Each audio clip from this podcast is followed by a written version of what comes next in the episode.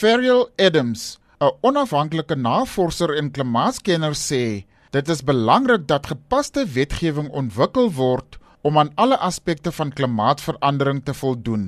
One of the things that we found early on in climate change research is that the most vulnerable communities will be hardest hit. So, for example, Africa in general will be hardest hit than maybe uh, developed countries like in Europe or you know North America.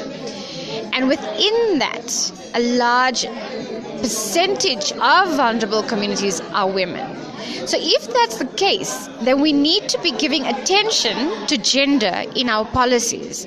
Dit is ook belangrik dat politici en staatsamptenare klimaatsverandering verstaan en die wilskrag het om iets daaraan te doen. Aldus Adams If you have leadership that does not buy into climate change at all or thinks it's an environmental issue, then you don't have a lot of projects in place. And that is problematic because you might have something in place for five years and then you have change in government, and that new government might not see climate change as important. And all your your plans fall fall apart. And so it's really key for us to get political buy-in and leadership and there needs to be a much stronger education and awareness drive with officials but senior management in local government. Ndivile Mukwena van die nie-regeringsorganisasie Gender CC Southern Africa wat hom beywer vir die regte van vroue in klimaatsverandering vertel wat sy verwag van die beraad wat sy tans in Duitsland bywoon. The focus will be on implementation on the Paris Agreement. I want to hear more on loss and damage. Because I was affected, you know, emotionally by the floods that were taking place in our country. And the North countries who are supposed to fund, you know, these strategies, they are coming up with a lot of issues that now the insurance part has to come into loss and damage. Now they are giving profit, they are giving opportunities to business people. And also food security when it comes to agriculture, what is happening in that area, because we're working with a lot of farmers.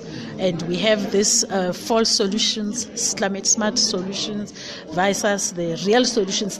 Adam sê na 23 jaar van beraadpleging sal daar uiteindelik radikale besluite geneem moet word. There needs to be some radical decisions that they make and developing countries have been fighting to have their voices heard about you know how we need to better deal with the impacts because we the ones are feeling it and the developed countries need to come to the table and put down the money that they've promised for so long to help us adapt um, and share skills, etc., that's needed.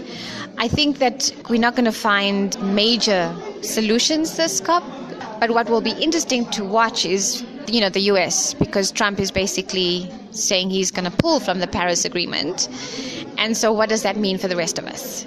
Dit was Ferial Adams, 'n onafhanklike navorser en klimaatskenner. Ek is Malikole Gwatyu vir SAK nuus.